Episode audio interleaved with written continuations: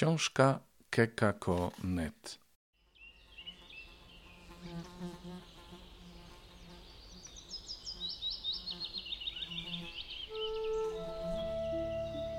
Kuba Kornacki. Ogrody Bożych Cudów. Opowieści o interwencji nie z tej ziemi. Z pomocą Joanny Iwańskiej czyta autor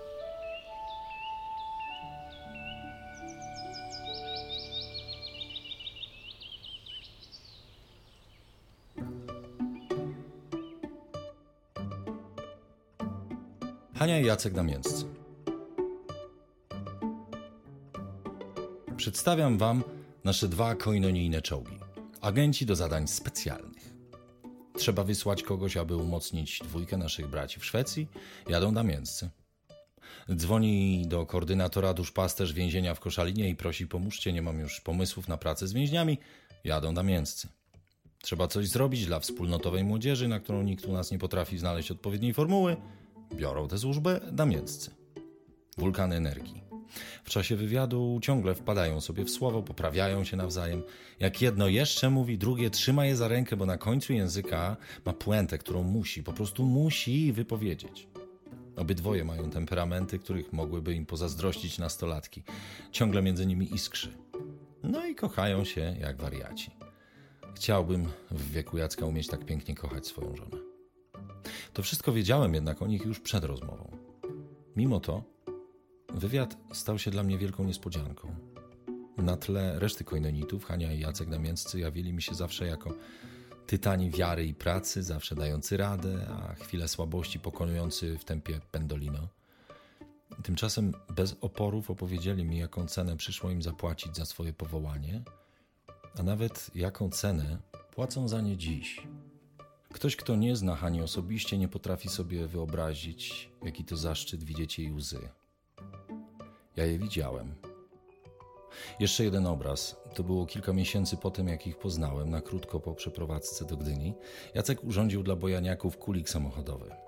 Sanek uczepionych do wozu mogło być może pięć par. Jacek za kierownicą, a na pierwszych sankach siedzi Hania. Nie tak, zupełnie nie tak wyobrażałem sobie, jak powinna e, wyglądać i zachowywać się pobożna starsza pani. Po przejażdżce Hania zsiadła z sanek cała oblepiona śniegiem jak ludzik Michelin. Chichotała przy tym jak gimnazjalistka. Patrząc na nią, zaczynałem rozumieć, że prawdziwy chrześcijanin to taki, który umie się świetnie bawić. To życie dał nam Bóg, no więc co w końcu kurczę blade. Święty karton i naleśniki. Ba. Czy z tym, że wybraliście taką formę duchowości, miał coś e, wspólnego patron o nazwisku święty karton? Hania? Tak, oczywiście tak. Zacznę od tego, że kupiliśmy wcześniej telewizor. I nasz Szymon się w tym kartonie bawił. Jacek powycinał mu okienka, a skąd święty karton? A więc dawno, dawno temu, tak się zazwyczaj zaczynają fajne opowiadania, romantyczne, historyczne, to też i nasze, historyczne się tak rozpoczną. Nasze pragnienia, moje pragnienia, zaczęły się już w latach osiemdziesiątych. Jacek. Ale pragnienia czego?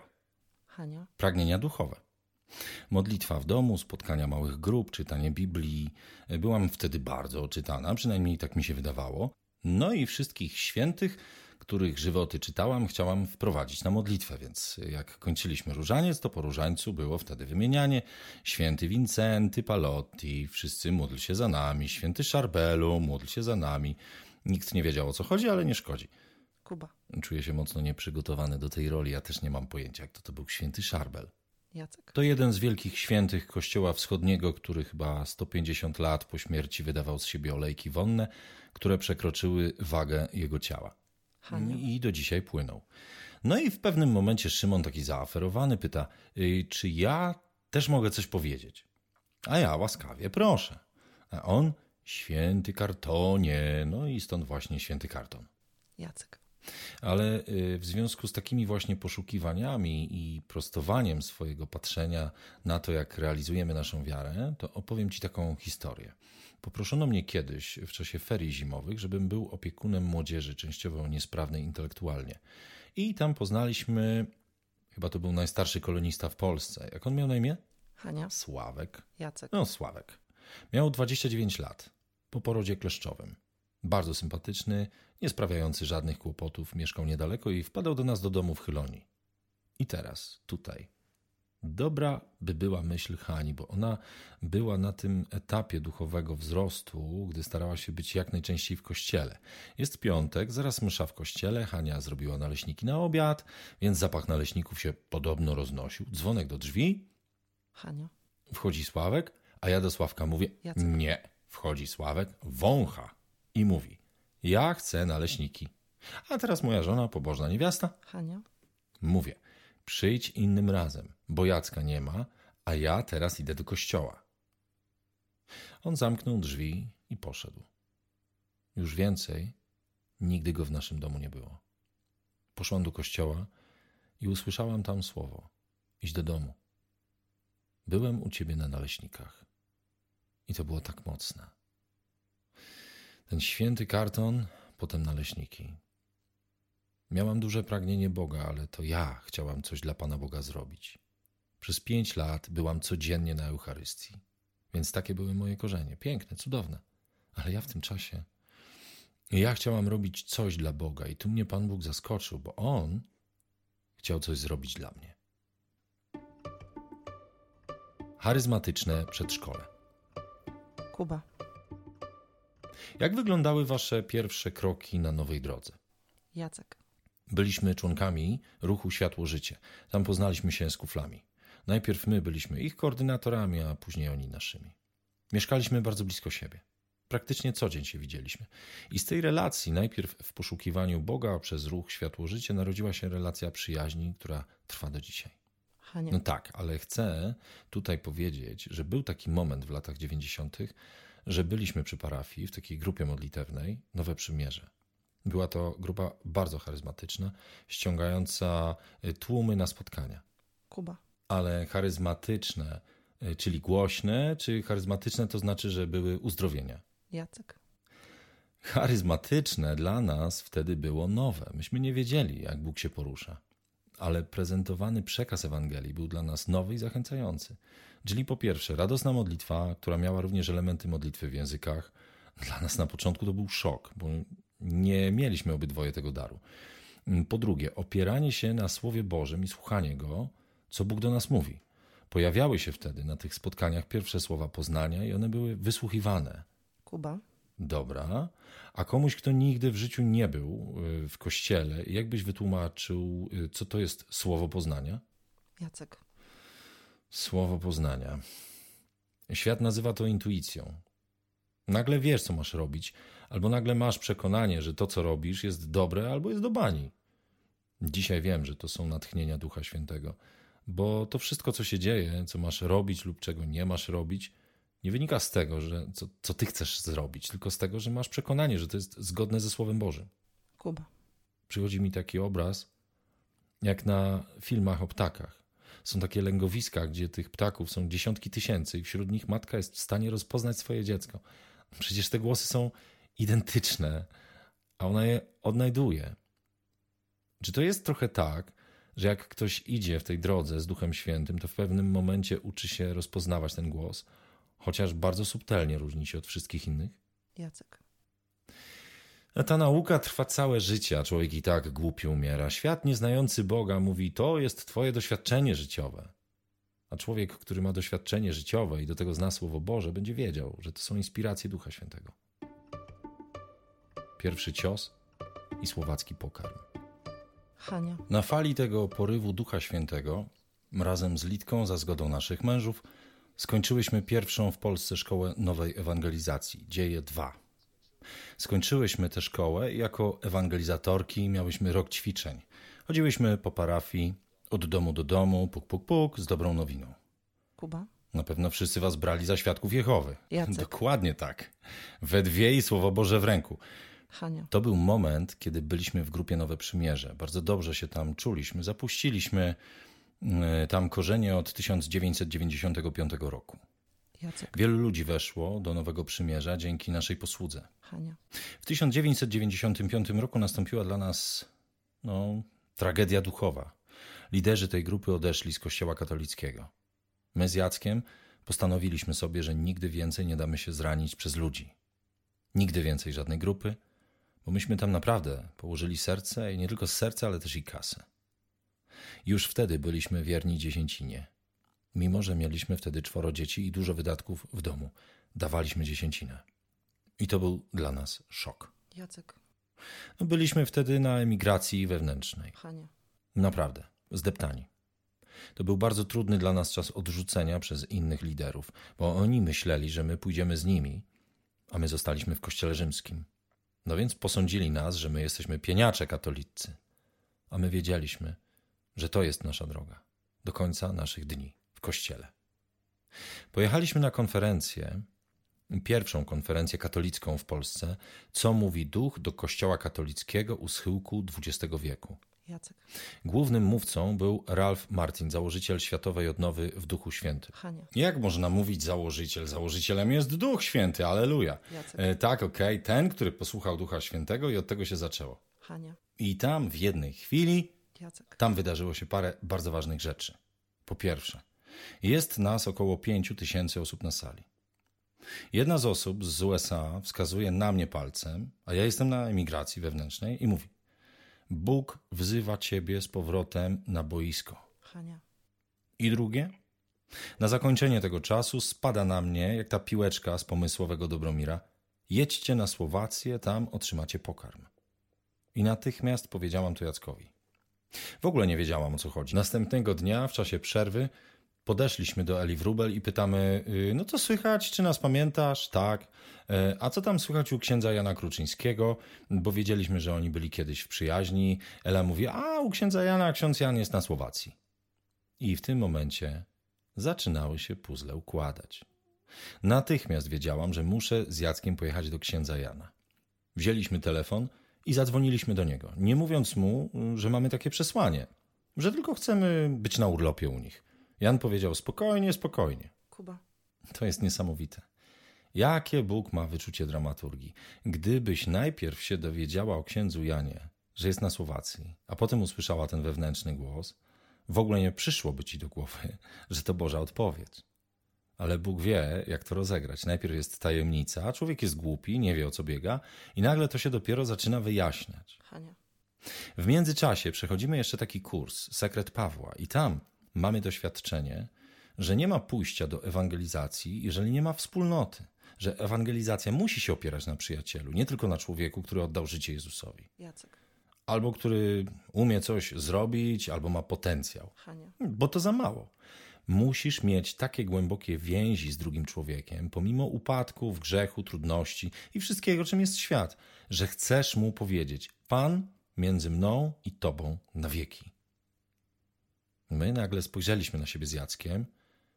Dlaczego my mamy jechać sami na Słowację? Dzwonię do Zenka wieczorem. Zenek, jedźcie z nami na Słowację. A Zenek mówi, "No, ale my nie mamy paszportów. A to był już kwiecień, a 5 lipca mamy być na Słowacji. Ja mówię, Zenek, będziemy się modlić. Idźcie, składajcie wnioski o te paszporty. I co się okazuje? Dostają paszporty, jedziemy razem na Słowację. I to jest początek Jana Chrzciciela. Ja o tym dzisiaj mówię z drżeniem serca, ponieważ y, droga nasza się zaczęła od Jasnej Góry, sanktuarium w Łagiewnikach, gdzie mieliśmy w sercu jedno przekonanie. Nic z tego nie rozumiemy. Ale to musi być coś niesamowicie ważnego. Dlatego zawierzamy drogę Maryi.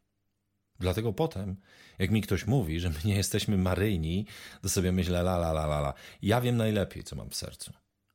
Potem jedziemy do Łagiewnik. Powierzamy się Bożemu miłosierdziu, bo mamy świadomość jednego. Nasza grzeszność i nasze temperamenty, bo my z Zenkami jesteśmy jak ogień z wodą. Jacek. No, my jesteśmy ogień, a on jest woda, ale czasami para z tego powstaje. Hania. Pojechaliśmy na cztery dni do Koszyc. Tam spotkaliśmy właśnie księdza Jana, który nam z tych czterech dni poświęcił nie więcej niż cztery godziny, ale te cztery godziny tak się wryły w nasze głowy, że po powrocie do Polski ściągaliśmy Jana tutaj raz w miesiącu, płacąc mu za przyjazd, żeby nam opowiadał o wspólnocie, którą zakładał w Koszycach. I przez półtora roku Jan raz na miesiąc przyjeżdżał do nas do domu. I tak się to zaczęło. Wszystko pomalutku. Pomalutku dziać, że w pewnym momencie zobaczyliśmy, że my jesteśmy na innej orbicie w Trójmieście, że my mamy inne pragnienia niż tylko coś robić. Kursy, kursy, róbcie kursy. A my chcieliśmy być ze sobą, chcieliśmy razem pić kawę, chcieliśmy razem dzielić się sercem. Kuba. Hania, znając was od lat, myślę sobie, że to do was kompletnie nie pasuje przecież. Wy jesteście dwa czołgi i to takie odrzutowe czołgi. Nie wydawało wam się mdłe to picie herbaty? Hania. No właśnie. I to jest właśnie ten paradoks Ducha Świętego. Ricardo. Kuba. Nie powiedzieliśmy jeszcze o jednym bardzo ważnym elemencie spotkanie z Ricardo. Jak go poznaliście? Co to w ogóle za facet jest? Jacek. Okej, zaczynamy. Byliśmy wtedy w tej grupie modlitewnej Nowe Przymierze. Był trzeci kongres Odnowy w Duchu Świętym, 1993 rok na Jasnej Górze. To była wtedy po raz pierwszy taka akcja w Polsce przez Kościół katolicki robiona. Y, To była akcja stadionowa. Było chyba sześć stadionów w to zaangażowanych, a organizował to Janusz Wrubel z Koinonii między innymi. I na Jasnej Górze było główne spotkanie wszystkich ruchów odnowy w Duchu Świętym. I wszyscy jechali, bo był zaproszony ojciec Tardif, Emilian y, Tardif. Mm, Tylko, że on wtedy zachorował. Cała Polska jest przygotowywana na to, że będzie akcja i wszyscy jechali na Tardifa, a Tardifa nie ma. No więc zwrócono się do ojca Ricardo. Ricardo, przyjedziesz? Przyjadę. Ricardo miał przesłanie. Mówi rzeczy, które mi bardzo grały w sercu. Mówi, że Bóg działa również przez cuda i widzieliśmy cuda, znaki, które towarzyszyły głoszeniu. Kuba. No to wal, co to były za cuda? Jacek. Widzieliśmy ludzi, którzy wstawali z wózków i szli z dołu na górę. Hania. Przy nas y, jedno dziecko wzrok odzyskało. Jacek. To, co było nagrane, widać ludzi, którzy z dołu wstają z wózków i idą przez wały do góry. Byłem wtedy zainteresowany tylko i wyłącznie znakami fizycznymi, typu wstawanie z wózków i tak dalej. Dzisiaj wiem, że to jest leciutki margines, bo jak Bóg cię spotyka, to zmienia najpierw ciebie, a jak zmienia ciebie, to zmienia twoje otoczenie i zmienia cały sposób życia wokół ciebie. Mieszkasz w Bojanie? Bojanie. Kuba. Pogadajmy teraz o Bojanie. Był taki czas, że zazdrościłem tym wszystkim, którzy mieszkają już w Bojanie i trochę patrzyłem z przekąsem, jak na taką wspólnotową elitę i nawet wymyśliłem takie powiedzenie, mieszkasz w Bojanie, Bojanie. Yy, czym jest Bojano? Jacek. Nie wiem. Hania. A ja wiem. Wiem, jasna odpowiedź. Jacek. No może inaczej. To jest moje miejsce na ziemi, to wiem. To jest miejsce, o którym nie marzyłem, to wiem. Nie miałem w najśmielszych pragnieniach, że będę żył i mieszkał w takim miejscu. Ale jestem człowiekiem praktycznym. Dla mnie budowa domu oznaczała, że będę musiał każdą cegłę sam własnymi rękami przenosić. A miałem doświadczenie takie, że sąsiad z domu naprzeciwko umarł na moich rękach. Dlatego, że mając astmę i to mocno zaawansowaną, lakierem nitro zaczął malować coś tam i, i go zatruło to po prostu. Ja myślałem, że budowa domu to będzie dla mnie katorga. A ja nie chcę mieć katorgi. Hania. Ale nawias. Przecież nie tak zaczęło się Bojano. Zaczęło się od tego, że dostaliśmy hasło, że jest ziemia. Jacek jest na platformie, jest u nas, cytowany już tutaj zresztą, ksiądz Jan Kruczyński. To jest rok 1997. I ja mówię do niego, słuchaj Janie, jest ziemia do kupienia w Bojanie. Może byśmy pojechali razem zobaczyć. A on mówi, dobrze, to zawieź mnie. Ksiądz Jan stanął na tej ziemi. Ktoś, kto go zna, to wie, że to jest człowiek bardzo wyciszony, spokojny. A tu wpadł w uniesienie prorocze. Pierwszy raz widziałam kapłana, który prorokuje, cały się trzęsąc. Po prostu cały się trząsł. I zaczął mówić takie rzeczy. Pamiętam to do dzisiaj. To jest ziemia Pana. Pan mówi, kupuj tu ziemię. Tu będzie centrum doświadczenia, przyjaźni i braterstwa. To będzie zaplecze duchowe dla całego Trójmiasta. No dla mnie to było science fiction. Buduj dom i miej dobre szambo, bo będzie dużo ludzi. Jacek. Ale teraz chcę wrócić właśnie do tego wcześniejszego. Nie chciałem budować domu. Ale ponieważ z Hanią ustaliliśmy, że będziemy robić coś, jeżeli jesteśmy jedno, w związku z tym po zakupie ziemi odstawiliśmy sprawę ad acta. Przyjechał na pewną konferencję do Gdyni, organizowaną przez braci protestantów, człowiek, który miał swoisty dar proroczy. John Food się nazywał. Hania. Wiedzieliśmy już, że ta ziemia jest nasza, że jest słowo prorocze o tej ziemi tego księdza Kruczyńskiego. No ale ziemia stoi, my nie budujemy. Jacek. Nie budujemy, bo ja nie jestem gotowy mentalnie. Jest 13 czerwca 2001 roku. Jesteśmy na tym spotkaniu proroczym. Spotkanie się prawie kończy i nagle ten prorok mówi: Ja mam słowo dla tych państwa, którzy tam siedzą w okularach. Czy chcecie? Więc my pokornie wstajemy i idziemy. Jest to nagrane, można odtworzyć. Hania. I on mówi do Jacka takie słowo: Widzę brata w planach budowy. Ja myślałam po prostu, że skonam. To był 13 czerwca 2001 roku. 20 października 2001 roku, cztery miesiące później, pierwsze wykopy są nagrane. A 24 czerwca 2002 w Jana Chrzciciela dom już stoi. Sztuka ciosania. Kuba. Chcę teraz poruszyć wątek, który jest bardzo ważny ze względu na to imię Jan Chrzciciel. Przecież Jan Chrzciciel to jest facet, który skończył z głową na misie. Został męczennikiem po prostu dlatego, że jakiś inny facet wziął sobie żonę, której nie powinien mieć. A córka tej żony, co za ochyda, wpadła mu w oko. Jan Chrzciciel staje w obronie rodziny i, świat by powiedział, skończył w dosyć nędznych okolicznościach. Dość szybko zaczęliście odczuwać konsekwencje tego powołania, właśnie takie nieprzyjemne. Hania. Tak, bardzo szybko. Jacek. Zanim stały się nieprzyjemne, to najpierw były nieciekawe. Popatrz, Jan Chrzciciel stał nad Jordanem i chrzcił. Nic innego nie robił, tylko chrzcił. Kuba. Nuda. Hania. No ale mówisz o cenie. Pierwsza zapłata, i to słona, była wtedy, kiedy powiedziałam, że idziemy w kierunku Jana Chrzciciela. Zrobiliśmy spotkanie z kapłanami ze Stowarzyszenia Jezus Żyje. I pierwsze, co powiedzieli, to dziękujemy, dalej z nami nie pójdziecie. I stowarzyszenie dało dekret, uchwałę, że każdy, kto się spotka z Janem Chrzcicielem, zostanie wykluczony ze Stowarzyszenia Jezus Żyje. To było bardzo trudne, bo byliśmy jednymi z założycieli tego stowarzyszenia. Jacek. Nasze nazwiska, kufli i nasze, są na początku listy założycielskiej. Hania. Pierwsze pieniądze, które trzeba było złożyć, żeby stowarzyszenie powstało, to były nasze pieniądze. Byłam szefem Szkoły Nowej Ewangelizacji, więc byłam jakoś rozpoznawana w tym środowisku. Aż tu nagle zakaz spotykania się z nami. Kuba. To zostało spisane? Hania. Tak, tak. Jacek. Do nas to nie dotarło, natomiast to był szlaban, który czuliśmy natychmiast. Kuba. Przecież to się kompletnie nie mieści w głowie. Przecież Jan Chrzciciel jest wielkim bohaterem Kościoła katolickiego. Przecież sam Jezus mówi, że to jest największy święty ze wszystkich. Zresztą w ten sposób trochę wywraca katolickie mówienie o Maryi jako największej świętej, najdoskonalszej córze rodu ludzkiego. To są słowa Jezusa. I teraz ja słyszałem, będąc we wspólnocie, wiele razy, że imię Jan Chrzciciel było takim zgorszeniem, ale po ludzku i też myśląc o naszych czytelnikach, nie mieści się to w głowie. W czym rzecz? Dlaczego? Czy Jan Chrzciciel jest takim znakiem zgorszenia? Czy szatan się tak wścieka na to imię? Hania. Ja myślę, że tak. Jacek. Nie. Chodzi o radykalność podejścia. Hania. Dokładnie. Radykalność pójścia za Jezusem. Jacek. Ktoś powiedział na ostatnim naszym kongresie, że Jan Chrzciciel był talibem chrześcijaństwa w tamtym czasie, choć nie mówiło się o chrześcijaństwie. Był bardzo radykalny i za to położył głowę. I to jest najdziwniejsze, że czując powołanie, jeżeli Jan Chrzciciel jest naszą drogą, postanowiliśmy położyć za to głowę. Nikt nam głowy fizycznie nie obciął, ale dokonano na nas duchowej aborcji. Duchowej aborcji. Ja się czułem wyskrobany z kościoła. Hania. Dokładnie. I był taki moment, kiedy zaprosiliśmy do naszego domu. Chcieliśmy się tym wszystkim dzielić i szukać jed- jednak jakiegoś księdza tutaj, który by chociaż próbował nas zrozumieć. I zaprosiliśmy do domu księdza W, który był wtedy figurą w seminarium. Zaprosiliśmy też Litkę i Zenka.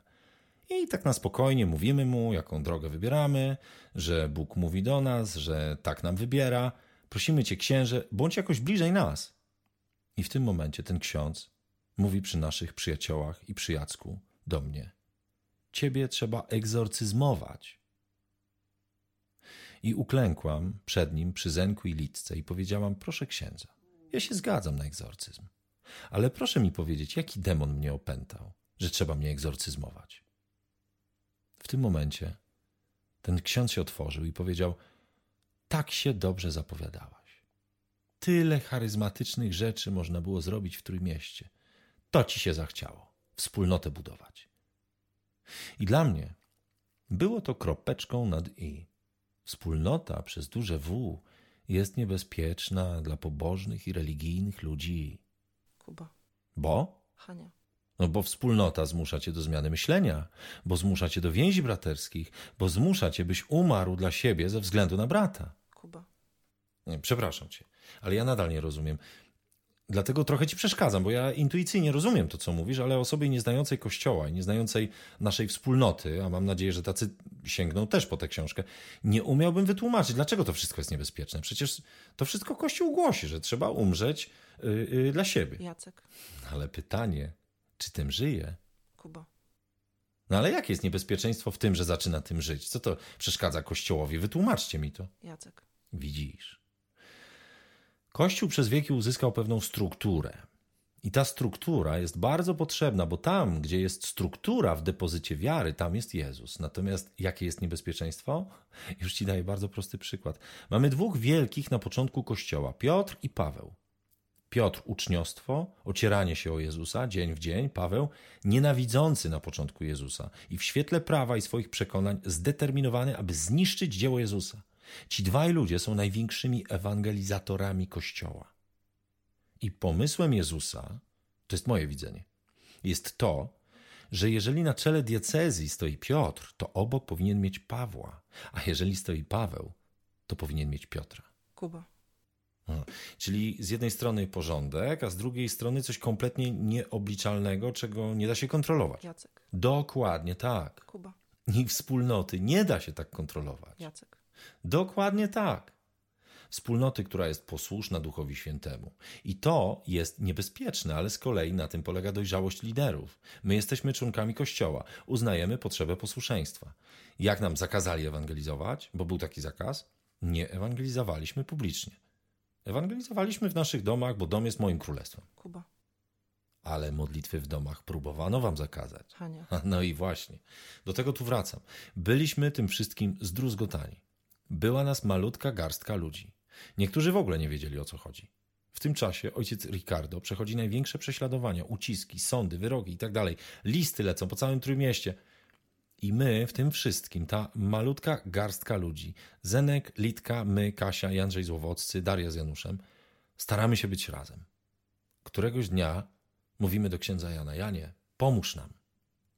Jan wpada na świetny pomysł. Mówi do mnie, zróbmy takie spotkanie u was w domu. Przyjeżdżają księża ze Stowarzyszenia Jezus Żyje i jest ksiądz Jan i Zenek jest na tej rozmowie. My z Litką jesteśmy w kuchni i się modlimy. Jacek na całe szczęście był chyba na platformie. Jacek. Nie, nie, byłem na zewnątrz i nie wchodziłem. Hania. No, bo by ich pogryzł wszystkich. I w związku z powyższym ksiądz Jan zaczyna z tymi księżmi mówić. Mamy tutaj małą grupkę ludzi. Zróbcie im jakieś zadaszenie. Bądźcie z nimi, przypatrujcie się, jak ich droga będzie wyglądać. Bo oni chcą być blisko księży, blisko kościoła. I jest bardzo burzliwa dyskusja. Ksiądz Jan cierpliwie uspokaja to wszystko. Padają bardzo ostre słowa. Wszystkiego zabronić. Zabronić ewangelizować, zabronić robić kursy, wszystkiego zabronić. I na koniec ksiądz W mówi i zabronić się modlić. A ksiądz Jan, doświadczony już w kościele, że wszystkie ważne rzeczy się zapisuje, mówi: Dobrze, to zróbmy z tego taki protokół i zapiszmy to wszystko. I my ten dokument mamy. Wielu z tych księży dzisiaj z tytułem doktora chciałoby zapomnieć o swoim podpisie, który tam złożyli. I my przez półtora roku jesteśmy zamknięci w domu. Gdziekolwiek wychodzimy, są tylko spojrzenia. Nikt nie chce z nami rozmawiać. To był początek pięknej drogi. Dzisiaj byłoby to niemożliwe, żeby każdy w czwartek, rozumiesz Kuba, co to znaczy? Każdy? Z czwartku na piątek post. I w piątek wszyscy przyjeżdżają, każdy ze swoim talerzem jedzenia. O 18 jesteśmy w kościele i potem przychodzimy do Kasi do domu, bo miała wtedy największe z nas mieszkanie. I tam mamy spotkanie, modlitwy i kolacje i wspólne bycie. Po prostu bycie. I tak jest przez co najmniej półtora roku. Było nas 18 osób. Ksiądz Jan przyjeżdżał dalej. I któregoś dnia się tak cieszymy, że jest już nas osiemnastka, a ksiądz Jan mówi tak. Jak was zostanie za rok 10 osób, to będzie górna granica. I faktycznie. Jeden z naszych, który był w centrum nas, który był przygotowywany, by też zostać potem koordynatorem Agapita, Jacek. uznał, że on staje się obrońcą Kościoła. Hania. I powiedział: Ja sobie stawiam za cel mojego życia zniszczyć koinonię Jan Chrzciciel w Trójmieście. I przez 15 lat czuliśmy to słowo i to brzemię na swoim karku. Jacek. No i on był aktywny przez cały czas. Hania. Wyjeżdżaliśmy na kongres autokarem. 50 osób do Wrocławia. A dzień wcześniej każdy dostawał kopertę z paszkwilami na Koinonie Jan Chrzciciel. Gdziekolwiek jechaliśmy z ewangelizacją, potem już jak zakaz ewangelizacji nas nie obowiązywał. Malbork, Słupsk, Kochszali, wszędzie. W parafiach były już o nas dokumenty. W takiej opresji głosiliśmy Słowo Boże. Dla mnie to jest nieprawdopodobne, jak człowiek z dobrych pobudek, jak Szaweł, który nie rozezna w porę dzieła Bożego, może tak niszczyć. Nie wiem, gdyby Bóg mi więcej pokazał na początku, czy my byśmy w to poszli. Dlatego tu pedagogika Jezusa, kochanego, jest cudowna, że pokazuje ci tylko jeden milimetr, a ten milimetr cię tak wciąga, że po prostu nie jesteś w stanie nie iść dalej. W tym roku postanowiłam napisać do tego pana list i powiedzieć mu, że z okazji roku miłosierdzia chcę mu z serca przebaczyć wszystkie krzywdy, obelgi, które skierował na nas osobiście i na dzieło Boże, którym jest Koinonia Jan Chrzciciel, że mu przebaczam i błogosławię go.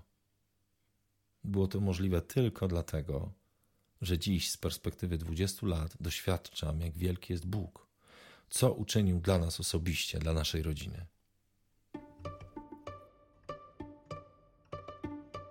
Alergeny. Kuba. A jak myślicie, tak na poziomie ludzkim, co może powodować takie reakcje ludzi?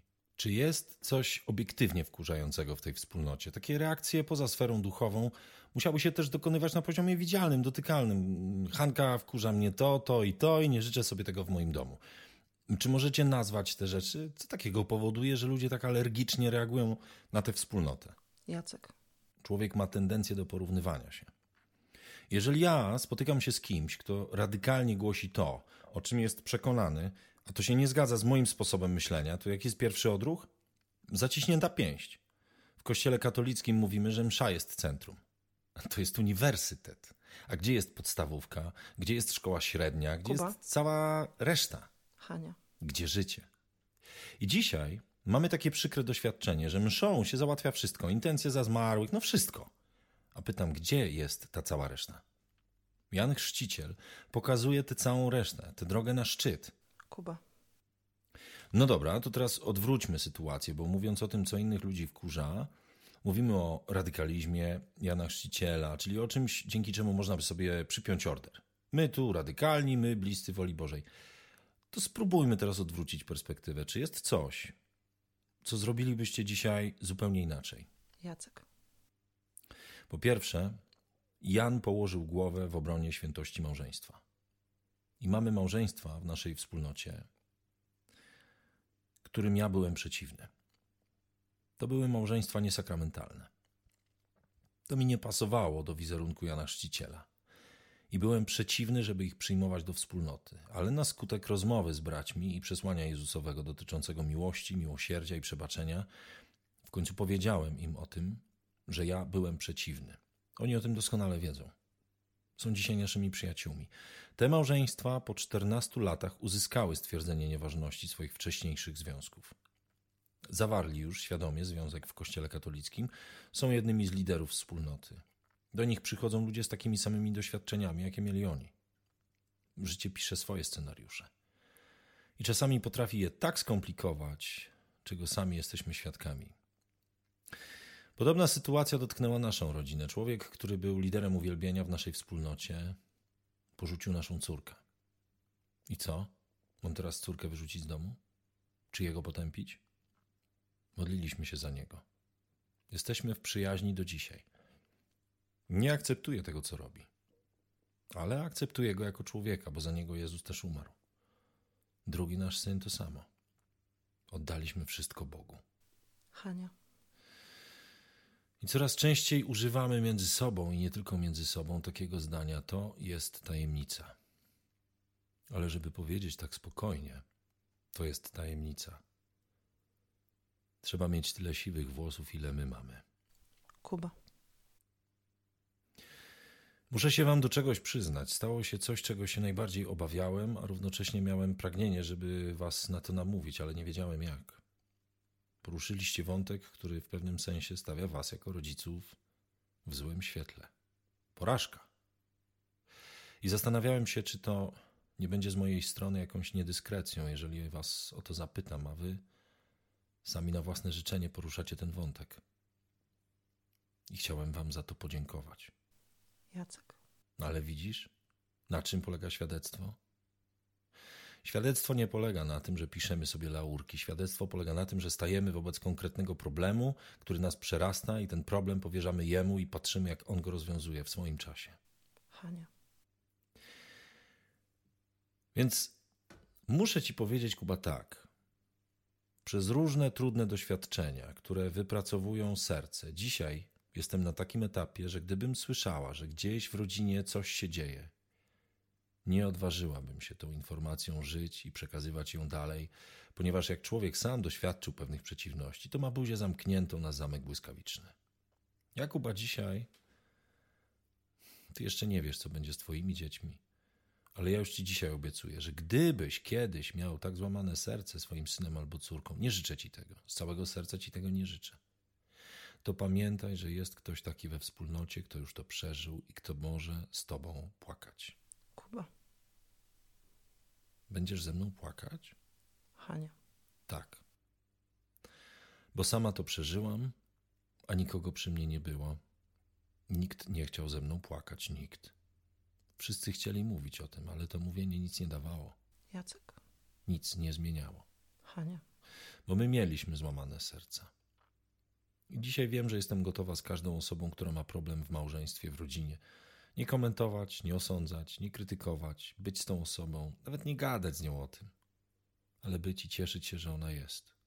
I mówić jej: słuchaj, wytrzymaj, Bóg jest z tobą. Kuba. Wiesz co, Hania? Zawędrowaliśmy strasznie daleko, aż trudno w to uwierzyć, że tak daleko, ale pozwól, że powiem ci jeszcze jedną rzecz. Hania. Proszę. Kuba. Czy zdajesz sobie sprawę z tego, że to, co teraz mi mówisz, jest rzeczą, która ani mi w głowie się nie mieści, ani nie mieści się nikomu, kto was zna we wspólnocie? Wszyscy mają wyobrażenie, że jesteście takimi odrzutowcami, które przez problemy przelatują w ułamku sekundy, nigdy się nad nimi nie zatrzymują dłużej. Ja sam zresztą pamiętam taką rozmowę, która była jakąś barierą dla mnie w relacji z wami, podczas której o, o jakichś naszych małżeńskich problemach mówiliśmy i usłyszałem od ciebie taką błyskawiczną odpowiedź, jak fanga w nos.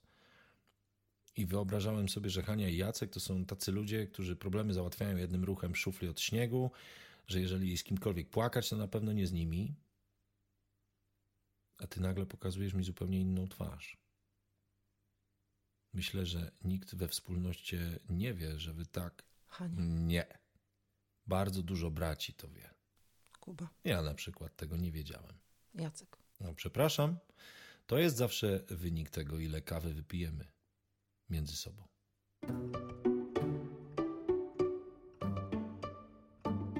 Był to fragment książki zatytułowanej Ogrody Bożych Cudów. Z pomocą Joanny Iwańskiej czytał autor Kuba Kornacki.